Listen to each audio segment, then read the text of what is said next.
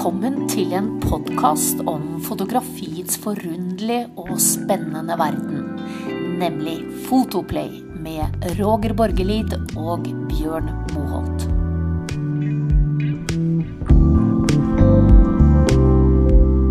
Sommaren är här och kanske, kanske kommer vi oss till sydligare strök, alltså Medelhavet i sommar. Förhoppningsvis eh, med kamera på släp. Eh, eller vad Roger? Tar du med dig kameran när du reser på ferie? Eh, ja, det gör man ju. Och, eh, oftast faktiskt så när jag är ledig och är på semester bara, ferie alltså, då fotar jag nog uteslutande med iPhonen faktiskt. Mm. Ja. Den är ju blivit så pass god nu att uh, den uh, är i färd med att ersätta för det kompaktkamera jag plejde att dra med mig tidigare. Du Roger, vi, um, vi är inne i den nummer 25 i serien av podcaster om ferie, eller vad ska jag säga, resefotografi. Mm. Som vi har laget. Och efter denna så, det så inte att vi pensionerar oss, men vi tar en, en liten paus, tänker jag. Um, sommaren kommer och då har vi väl kanske andra ting vi har lust att göra. Uh, jag snackade akkurat med en kompis eh, om det här med att laga ett digitalt fotoalbum album, uh, från sin förra ferietur. Och, och, han sa till mig att han visste sören mycket var de var henne. Det var rätt, rätt och slett inte att få tag i, för han har fått sig en ny datamaskin. Han visste inte var de var. Mm. Eh, dette er en utfordring, tror jeg faktisk, for langt flere enn han. Han er riktignok en rotekopp, altså, men, eh, men jeg tror det gjelder flere av oss at vi driver og knipser i vei, og de bare forsvinner langt inn i eteren, for å si det slik. Uh, mm uh, i fare for å virke som en dinosaur her nå, så, så Ja, det kanskje høres sånn ut. Men det var jo noe eget med, med, analog film. Det lå en hva skal jeg si, en måte å, å tenke gjennom litt mer utover uh, knipsingen. Det lå en slags kan du si, forventning over, over det å ta bilder, fordi at du visste ikke helt hvordan bildene ble før vi hadde fått dem uh, fra laben. Eh, mm. Føler du, eh, etter alt vi har snakket om nå i 24 episoder, eh, tenker du noe over det, eller føler du vi har mista noe på veien i vår digitala hverdag? Uh, bra fråga. Ja, det skulle jag säga. Jag skulle säga på samma sätt som att vi har förlorat någonting viktigt i läsvärdet när eh, nätsidor har ersatt riktiga tidningar. Mm. Så tillvida att vi, vi har förlorat betraktningstiden på bilderna. Som du säger så man tar, eh, om man är ute på en semester eller, eller en resa så kommer man hem med kanske hundratals bilder. Men de flesta åker upp i molnet och sen ser man dem inte igen. Mm. Alltså det är klart man kan spara dem på iPhone men det, det är, inte, det är liksom inte och, och, om man använder dem så åker de ut på Facebook eh, som ju är ett slags digitalt fotoalbum kan man säga eller Instagram eh, lika väl mm, så. Men, men det är ändå inte... Alltså jag skulle säga att den största förlusten är betraktningstiden vi har mm. på bilder. Mm. Det, för det blir liksom, det sägs ju att man har 0,7 sekunder på sig att, att fånga eh, någons intresse på Instagram. Och jag tror att vi själva har börjat konsumera bilder så. Mm. Vi, vi, vi ser någonting som är snyggt och så går vi vidare. Mm. Det, är inte, det är väldigt sällan man stannar vid bilder. Som faktiskt för några veckor sedan så pratade jag och min dotter om mina tidiga resor. För vi såg en tv-serie som var inspelad eh, och skulle föreställa vad handla om Backpackers The Serpent om du har sett den. Mm, nej, inte det. Den handlar om backpackingvärlden på, på 70-talet. Mm. Och så riktigt så gammal är jag inte. Men det var liksom den miljön och den tiden, tidsandan när man reste på den tiden som jag kände igen och blev lite nostalgisk över. Och så började vi prata om det och då ville min dotter faktiskt se på bilder därifrån. Och då mm. plockade jag fram gamla fotoalbum. Och det var någonting med det. Så det behöver man inte vara en dinosaurie för att, för att känna att det är liksom någonting mer på riktigt när det är liksom en bild man kan stanna vid. Det är, mm. Om man mm. ser helheten i ett album och det blir liksom lite grann som, som en bok eller en, en ja, lite så. Och, Ja, ja og, og jeg tenker sånn så at hvis det, vår podkast skal ha en slags misjon, så må det jo være det at vi tar tilbake bildene litt. Grann. Stoppe opp litt og tenke over de fotografiene vi, eh, vi tar. Altså ikke bare knipse i vei, men begynne å se hva vi faktisk tar bilde av, og så kanskje istedenfor å ta det bildet som man egentlig bare knipser, bare gå forbi og nyte det. Mm, Eh, Har, har du mycket i det. Ja, har du Ser du noe sånn remedie, altså noe medisin for, eller noen måte å, å ta tilbake bildene og gleden over bildene igjen? Noen metoder her som du kanskje kan eh, si litt grann om? Jeg, har, jeg tenker på dette her, du, nevnte, du var inne på noe her med å tenke fotoalbum och og, og tenke serier og, og kanskje redigere ned bilder. Men det er jo også en sånn tidkrevende øvelse. Um, ehm, har du tenkt noe på det? Nej, egentligen inte, men ett en väldigt, en väldigt bra sätt att lösa det på. Det, finns ju, väl- det är väldigt enkelt att göra sina egna fotoböcker idag. Det finns jättemånga sådana program och i dator och appar där man bara drag and drop. Och det, det skulle man kunna... Har gjort sådana böcker från min och mina dotters resor utomlands som vi har gjort tillsammans. Har hon fått en bok från varje. Och visst, det är tidskrävande men det blir liksom det blir någonting att återvända till än snarare än att det bara ligger i datorn i någon gömt i någon mapp i någon hårddisk så, så blir det någonting att ja, men, Mm. stanna vid och, och, och, liksom, och då kan man också berätta, om man gör en bok kan man berätta en hel historia för man har många bilder på sig, inte bara eh, några stycken utan det, så det, skulle jag, det kan jag se som ett bra sätt att Mm. ja, Mm. Jeg gjorde litt i starten da vi begynte med Instagram, og lagde noen sånne Instagram-bøker. Det var morsomt å, å, å gjøre, men så, så slutta jeg med det. Men det har jo også litt sammenheng med at man har det som profesjon, og da blir det, får man et litt grann annet forhold til det. Men samtidig så har jeg denne veldig gleden over å gå gjennom bilder og plukke ut gode motiver og prøve å finne, sette dem inn i en sammenheng. Um, Jeg tenkte siden da som sagt dette her er den eh, siste da i sesong én av eh, Fotoplay, så tenkte jeg at vi skulle gå gjennom eh, hva vi har snakket om, Roger, og kanskje bruke da det vi har snakket om som en slags tips, som en slags tips til årets sommer og årets eh, sommerfotografering. Hva tenker du om det? ja det, absolut. Ja.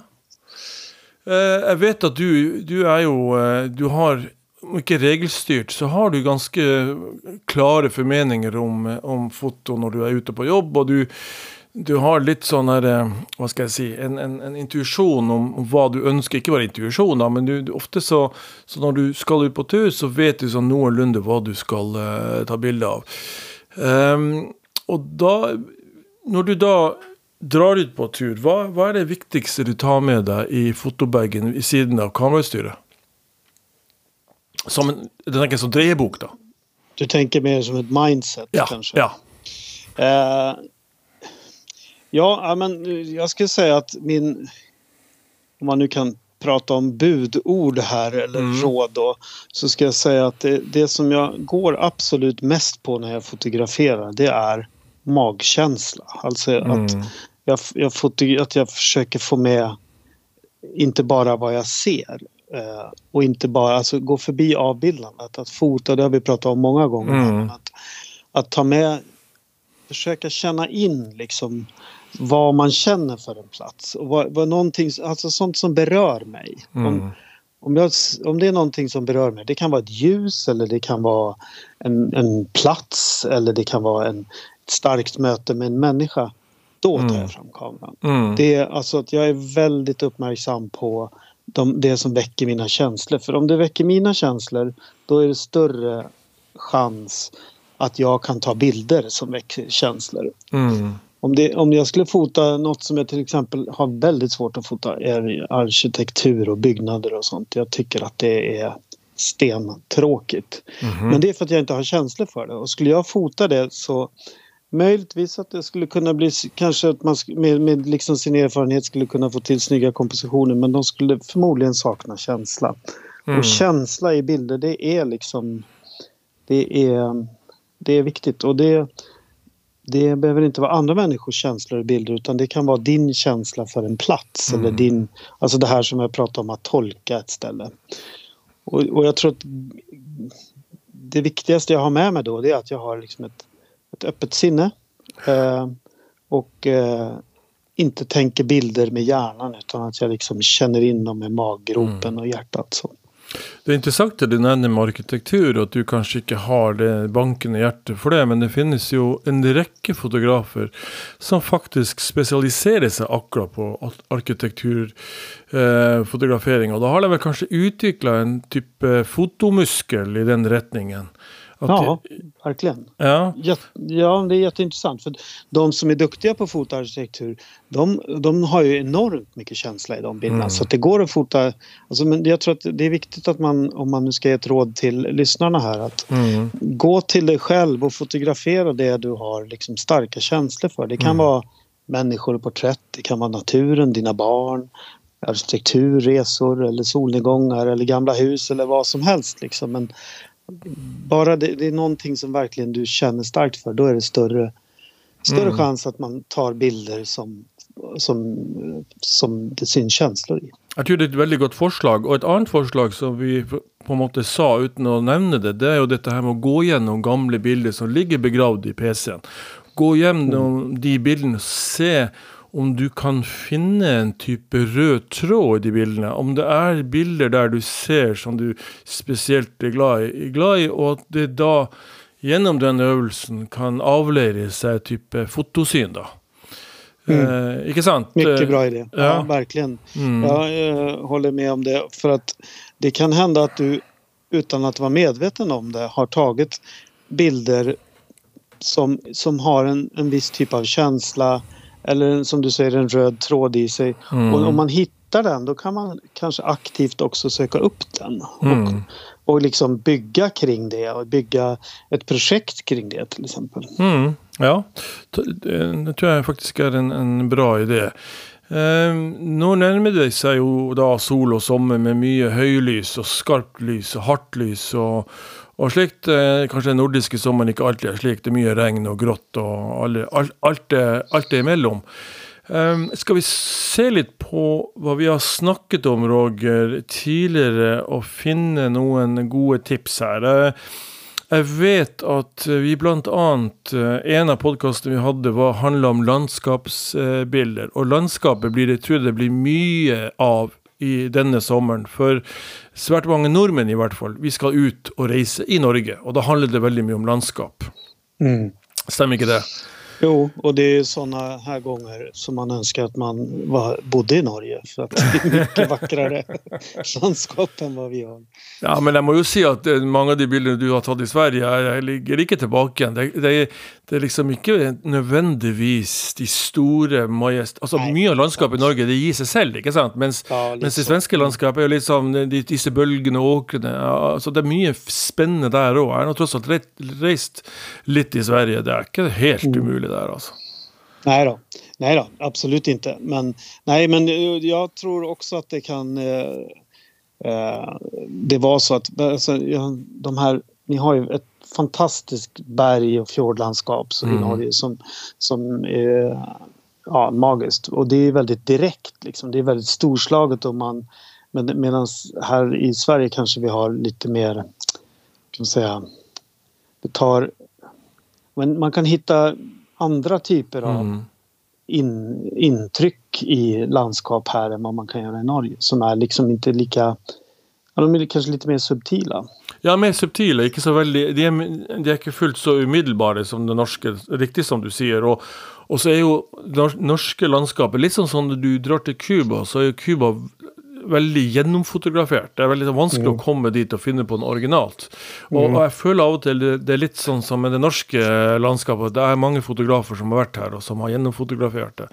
Og da gjelder det på en måte å finne sin egen vei inn, inn i det. Men dette med landskapet, hvis man da skal prøve å fotografere mm, et godt landskapsbilde, eh, la oss si Lofoten, da, der du har vært, og på Senja for den del, så, så hva er det hva er det viktigste da, tenker du, for å få dette landskapsbildet som, som på en måte står ut? Oj. Har, har det med lys å gjøre?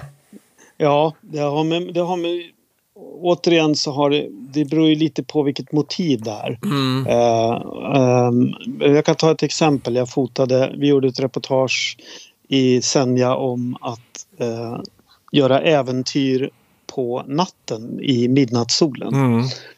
Eh, och då var vi uppe på eh, Hästen bland annat. Stämmer. Eh, Mm. Fjället Hästen. Mm. Och, eh, och i det läget så, så ville jag skapa liksom bilder med väldigt lite ljus i för att det, man skulle få en känsla av att det var på natten. Mm. Eh, och i andra lägen kanske man vill förstärka ljuset och så. Men ljuset är ju väldigt avgörande för landskapsfoto. Mm. Absolut. För, eftersom det skulpterar ut landskapet lite grann. Mm.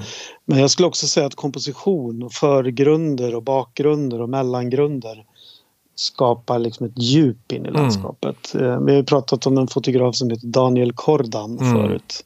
En rysk eh, fotograf. Han, han har ju tagit, eh, han, tar ju, han använder ju förgrunder i alla sina Mm. landskapsbilder och han är otroligt skicklig på det och det skapar liksom ett sug in i bilden. Så, Ja, och det tror jag är en god, gott tips, det här med att finna ett, ett, en, ett punkt i bilden. Inte bara liksom ta bilder av ett landskap, men finna ett eller annat intressepunkt i det bilden.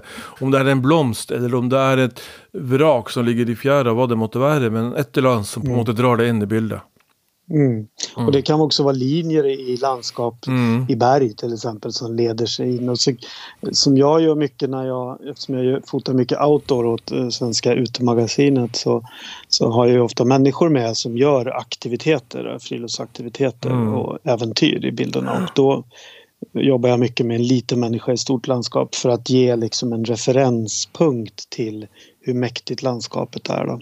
Mm. Så det kan man också tänka på när man ser ett en landskapsfoto. Om man, om man nu inte enbart vill fota naturen så kan det vara idé ibland att ställa in en människa eh, på ett naturligt sätt då, i den. Mm. Ja, eh, og ikke, kanskje det viktigste av alt her, ikke sov bort, eh, sov bort sommernatta.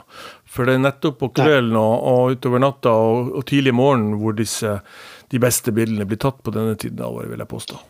Och sen ska jag faktiskt också vilja tipsa om att det är nästan Alltså de flesta landskapsbilder man ser är liggande bilder, alltså eh, horisontella bilder.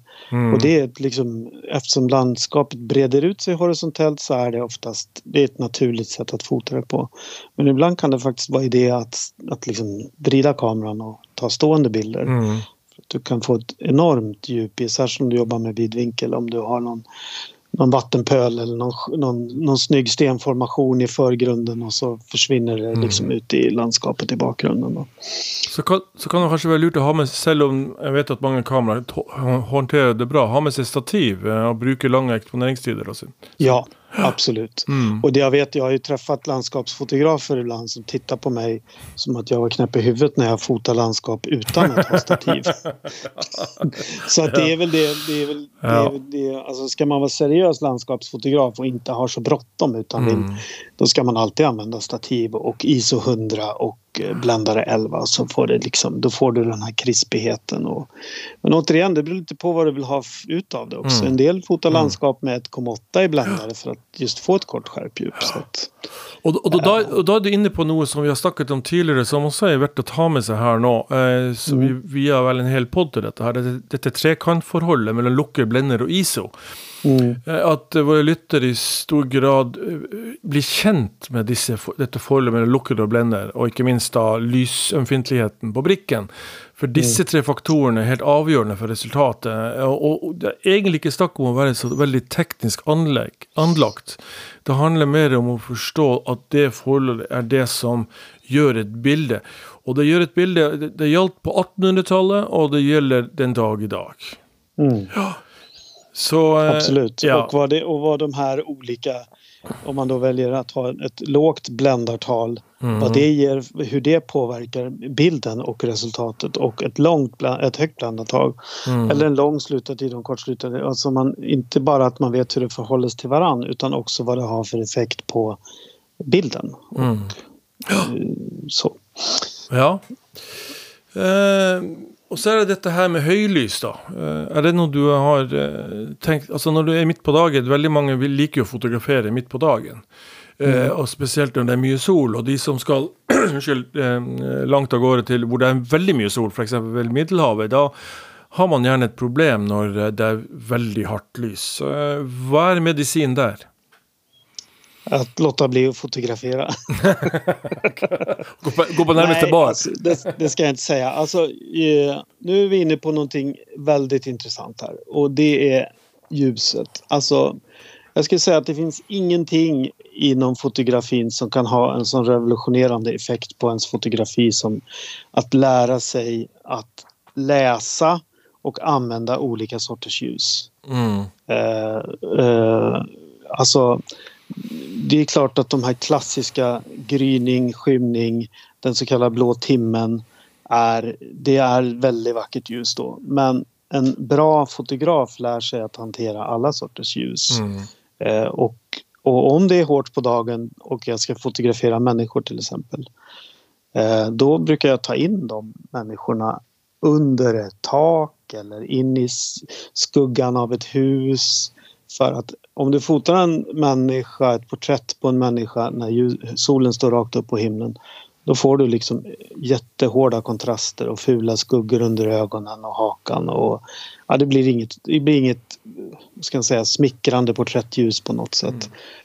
Eh, Så att det, det kan vara idé då att man söker att begränsa ljuset om det är så. Det går att göra med en, man kan ha en, ett paraply och ställa personen under eller, Mm. Eller att man ställer den i en dörröppning och det bara kommer in lite ljus i så att säga i dörröppningen då. Men det, det finns olika sätt att jobba där. Men eh, som svar på din fråga med, så, så försöker jag undvika hårt ljus och om det är hårt ljus så, så eh, försöker jag på något sätt påverka det genom att antingen begränsa det eller i vissa fall använda reflexskärm då för att så att säga reflektera upp ljus så det blir ett jämnare ljus. Då. Nu Ja. pratar vi människor.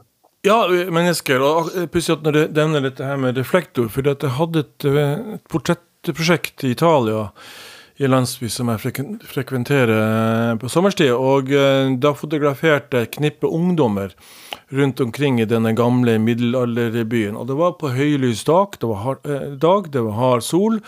Eh, och og hva gjør jeg da? Jo, det jeg gjorde, disse bygningene er ganske høye, så det er jo en del skygger der. Men det er også en del sol. Så det jeg gjorde da, var faktisk å plassere ungdommene i skyggen, og så henta jeg sola med reflektoren. Slik Det var at en jättebra idé. ja, så, så da hentet jeg sola med reflektoren, så tok jeg bilde av den med den reflektoren. Så testa det ut med gul og hvit og sølv, sølv bare for å se hvordan de spilte ut mot hverandre. Det var veldig, ble veldig fine bilder, ble veldig myke, fine portretter, selv på en høylys dag. Så det er jo et lite tips da til eh, våre lyttere. Mm. Mm. Sen, sen jobbar jag som du vet väldigt mycket med motljus. Mm. Eh, och lär man sig behärska hur man jobbar med motljus så, så tycker jag att det kan skapa en slags magiskt skimmer i bilderna som Mm. är svårslaget. Eh, Ja. Så det kan också vara ett tips att, att testa sig fram i, den, i, i de områdena. Eh, Och det är så, så pass högt dynamiskt omfång i kamerorna nu för tiden så att det är ganska Alltså, det får inte vara stenhårt ljus men om man liksom på något sätt silar igenom någonting eller att det är, eh, finns något som reflekterar tillbaka så kan det vara väldigt snyggt att använda det.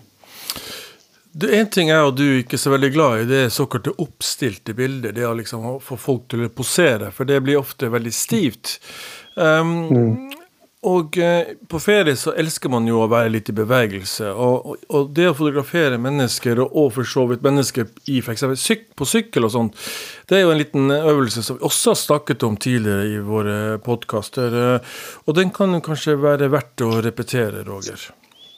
Eh, Eh, Ja. Vad tänker du då? Nei, ja, du har et en barn som spiller fotball, og så skal far ta et bilde av sønnen sin som farer bortover banen. Hva, hvordan stiller han seg opp da med kamera for å få tatt eh, poden i, i det rette øyeblikk, når han sparker ballen i mål? Jeg tenker f- eh, ikke sant? Eh, Om du bruker blits for å fryse bevegelsen, hva gjør Ja, du? just det. Mm. Just det. Ja, men det är, återigen, det beror på vilken effekt man vill ha av bilden. Då. Om, Mm. du, om du vill ha en bild som, som förmedlar att det här är mycket rörelse i så kan det vara idé att ha lång slutartid och kanske frysa rörelsen med blixt Mm. för att få liksom rörelse och skarpt. Mm. Eh, jag, oftast när jag fotar eh, cykel och ibland också löpning så panorerar jag med långa slutartider och försöker liksom få bakgrunden lite blurry och eh, motivet skarpt. Mm. Eh, nej, men överhuvudtaget tror jag att när man, att när man fotar människor så kan det vara bra och, och en god idé att involvera sig själv i aktiviteten och i mötet och, och liksom skapa en relation till den du fotograferar. Alltså det är klart att om du ska fota din son som spelar fotboll så har du ju redan en relation till den. Mm. Men jag tror att det blir mer äkta om du är med och spelar själv en stund och, och sen plocka fram kameran. Så att man liksom... Sen kan... Ja men du vet, så att man... Mm. så- Men det här gäller ju ännu mer då om man, om man reser och träffar människor som man Mm. aldrig har träffat förut. Då tror jag att det är viktigt att man liksom Ja. man visar vem man själv är. Att skapa ett förtroende och Mm. att de som man ska fotografera känner sig trygga och komfortabla i situationen. För det är liksom, det kommer upp en stor systemkamera i ansiktet så ryggar många människor. Och jag tror att du kommer undan det om du har liksom mött människan först och sen börjar fotografera. Då får man liksom tillträde mer till den riktiga människan bortom det här polerade, uppställda, stela leendet som oftast blir om man bara försöker ta en, två bilder i smyg och inte riktigt ger det tid. Liksom. Mm. Da hadde vi en liten sånn glidende overgang fra i bevegelse til dette med å være tett på mennesker, som, som også er en del av ferieopplevelsen. Og jeg må jo si at jeg føler meg ganske privilegert som reisejournalist og fotograf. At jeg har en veldig god unnskyldning for å bli kjent med mennesker, komme tett på mennesker når jeg har kamera med meg og kan bruke det som en måte icebreaker. Og nettopp det du sier der, at du, du ber om tillatelse til å ta bilder. Kanskje du kan be om en generell tillatelse og si at eh, mens vi sitter her, er det greit at jeg knipser litt rundt og tar noen bilder av dere mens vi er her, sitter i en god setting. Og det er, det, dette her med, det er med å utvikle deg som menneske, tenker jeg, og, og menneskekjenner det at du da har kamera som en liten sånn X-faktor i, det- i det samspillet. Eh, det har vel du også opplevd. Vi har jo vel for så vidt opplevd det begge to sammen når vi har vært på, på reise, Roger. Mm. Mm. Jo men alltså jag skulle säga faktiskt att fotografin och kameran är liksom dörröppnaren för mig att få möta människor. För att om jag skulle vara där och inte ha det här jobbet och inte fotografera då är jag inte helt säker på att jag skulle gå fram till vildfrämmande människor och börja prata med dem. För så pass svensk är jag så att det gör man liksom inte bara. Nei, og du ikke bare svensker. Du, der er svensker og nordmenn ganske like, altså. Ja, nej, så, att, så att det är absolut är det så. Och, eh, nej, ja, ja, det är som du säger, det är verkligen ett privilegium att, att Mm. kunna göra det. Och, och det kan vem som helst göra. Man behöver inte jobba med fotografi utan man kan liksom man kan ta, ta det, om man nu tycker att det om man nu känner att det finns ett motstånd mot att kontakta främmande människor så kan man ta det som en liten övning nästa gång man är ute och reser eller om man nu, vart man nu än är och, och känna att ja, men här är några människor som jag tycker tror jag skulle kunna bli jättebra bra fotografi. Så att man övar sig att liksom hänga lite, prata lite, kanske ta någon bild, visa, visa lite hur det blev och så att man gör liksom att man gör själva fotograferandet till ett, en lek där liksom det är inte att, så att man tar bilder utan att man helt enkelt det blir liksom ett samspel nästan mellan motivet och fotografen. Det gör jag faktiskt ganska ofta när jag gör mina eh, resejobb och fotar människor. Att jag liksom gör det till lite, lite bus och lite lek. Mm. Alltså att, att vi på något sätt har ett utbyte. Att de också får någonting utav det. Utav, att de, de har roligt. Ja, sant? Ja, og det å gi, det jeg helt enig med. Og- Og det må jeg jo si at, at selv om du tror det motsatte, så jeg var en ganske beskjeden fyr begynte å, å jobbe som, som journalist og fotograf. Men det har vært Og jeg tror for mange så er det den dørstokkmila som vi snakker om i Norge, om det å komme seg ut i naturen, det at man sitter for mye på sofaen, og så tar det lang tid før man kommer seg over dørstokken.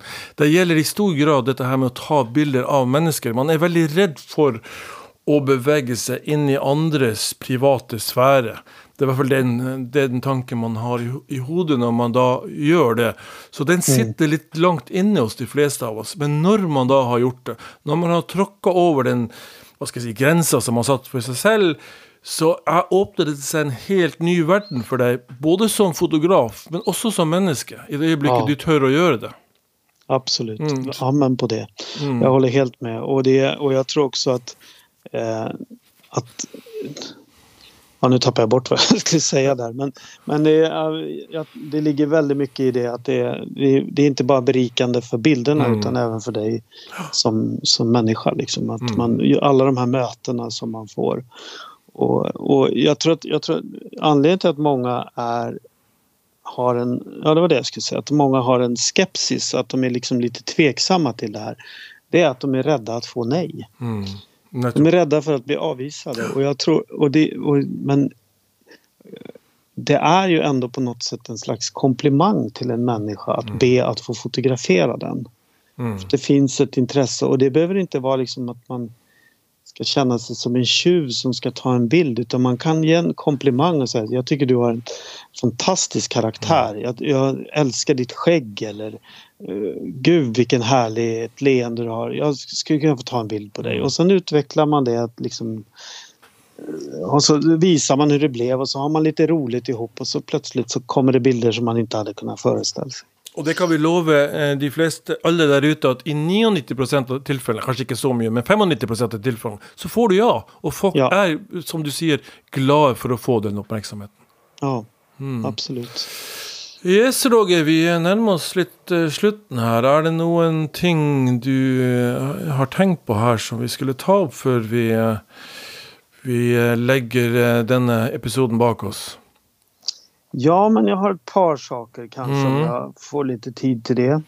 Eh, det ena är att nu när det är eh, sommar eh, så, och sol och, eh, och härligt så, så, och när man åker på semester och, och kanske om man, oavsett om man är i Medelhavet eller så så är det nästan alltid att man väljer att vara ute och vara ute men också att fotografera ute när det är sol.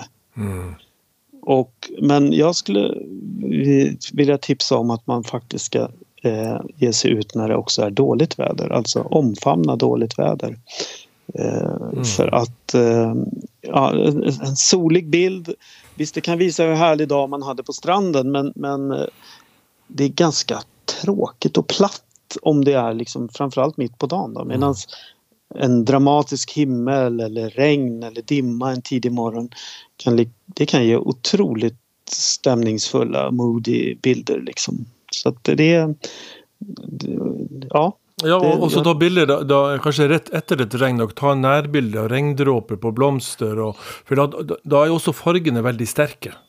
Ja, och efter ett regn så är det otroligt, ja precis, mättade mm. färger. Mm. Och i skogen, det kan man ju också, det har vi pratat om förut, men i skogen ska man egentligen aldrig fotografera när det är sol. Mm. Om det är så, inte är ett lågt motljus. Men, men eh, mulet väder är att föredra i skogen tycker jag. Mm. Eh, och eh, nej, jag, jag, tror att eh, Tänk tvärtom. Eh, ge dig ut när du inte hade tänkt ta en bild. Jag tror att det kan faktiskt ge väldigt bra oväntade resultat. Mm. Väldigt och sen eh, om jag ska ha några famous last words. som du brukar. Nej, ja. men en, en, en, alltså oavsett vad man fotograferar, oavsett vilket motiv man har. Så, så, alla motiv har en nyckel, alltså en fotografisk nyckel som är helt avgörande för hur, hur bilden blir och vad den förmedlar och hur den tas emot. Och det, det, det kan handla om ljuset, eh, komposition, uttryck, känslor, stämningar, kontakt, intimitet, balans och harmoni i bilden. Liksom. Mm. Och, att, och, att, hitta den nyckeln det är för varje motiv det är helt avgörande för. Men, vad, är det, vad är det du säger där? Att du ska tänka nöje igenom varför du tar akkurat det bildet. Vad är det med det bildet där du önskar förmedla? Är det det du säger? Dels det, men också alltså, det kan vara det kan handla om att du flyttar dig själv eller kameran 5 centimeter Mm. så blir det en helt annan balans Mm. i bilden. Mm. En helt annan komposition som säger någonting helt annat. Ja. Eh, det, det kan handla om vad du sätter i förgrunden för att skapa ett djup in i bilden. Alltså det, det gäller att, och, och där tror jag också det är otroligt viktigt att ge varje motiv det man har tänkt fotografera om man nu vill uppnå bästa resultat riktigt med tid. Att utforska motivet, att byt perspektiv och ställ dig, ställ dig på en, en sten eller ett bord eller lägg dig på marken. Alltså det finns alltid andra sätt att se på ett motiv som kan förändra bilden och som faktiskt kan låsa upp hela... Det kan bli lite sesam öppna dig om du hittar nyckeln till, till just det motivet. Det var nesten som en fullendt sirkel av eh, argumentasjon der. For det, du sa veldig mye av det vi starta med. Dette her med å ta vare på øyeblikkene i bildene. At de ikke bare forsvinner inn i, inn i PC-en eller inn i, i mobiltelefonen. De blir der fordi at dette var et bilde du virkelig brukte tid og energi på, og de vil i større grad bli tatt vare på. Absolut. Så det var liksom en sånn famous last word fra oss begge to. Ja, Skal vi si det sånn? Vi gör det. Og så får vi takke for, eh, for denne gang, og vi kommer garantert til å ses eller høres igjen ved neste anledning. Takk for nå. Ha en god sommar. God sommer.